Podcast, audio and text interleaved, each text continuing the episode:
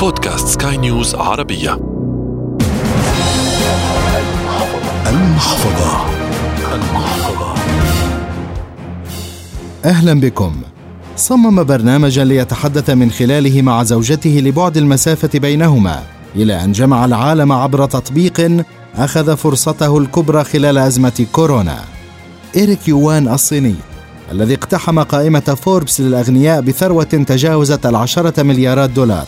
بدأ حياته بجمع الخردة ليعيد تدويرها ويحصل على النقود. اليوم يجمع الملايين عبر تطبيقه إلى جانب المليارات.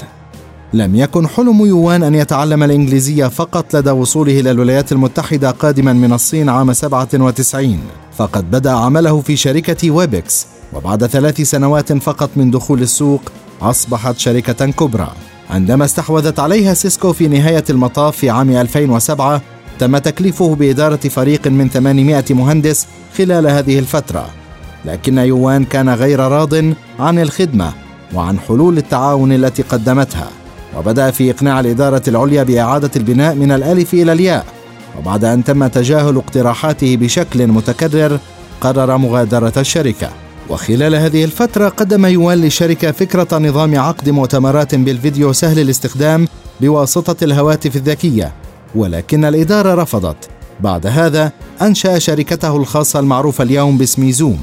خلال أزمة كورونا لمع نجم شركة زوم التي تضاعفت قيمة أسهمها عشرات المرات وفاقت قيمتها السوقية الخمسين مليار دولار وشكلت طفرة في عالم الاجتماعات وقام بالتفوق على التطبيقات المنافسة.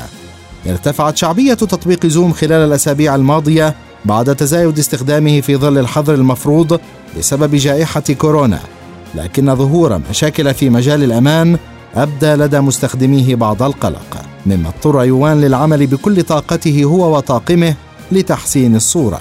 ولكن ثراء يوان ازداد بشكل كبير جدا خلال هذه الأزمة إذ أصبح تطبيق زوم الأكثر شيوعا بسبب الإغلاقات وبقاء الناس في منازلهم. وبات التطبيق الاختيار الأول لعقد اجتماعات العمل ودروس المدرسة وحتى الحفلات الموسيقية وغيرها من المناسبات حول العالم. إيريك يوان أثبت أن الأزمات تقدم المنح وليست المحن، وأن فوائد قوم عند قوم فوائد. المحفظة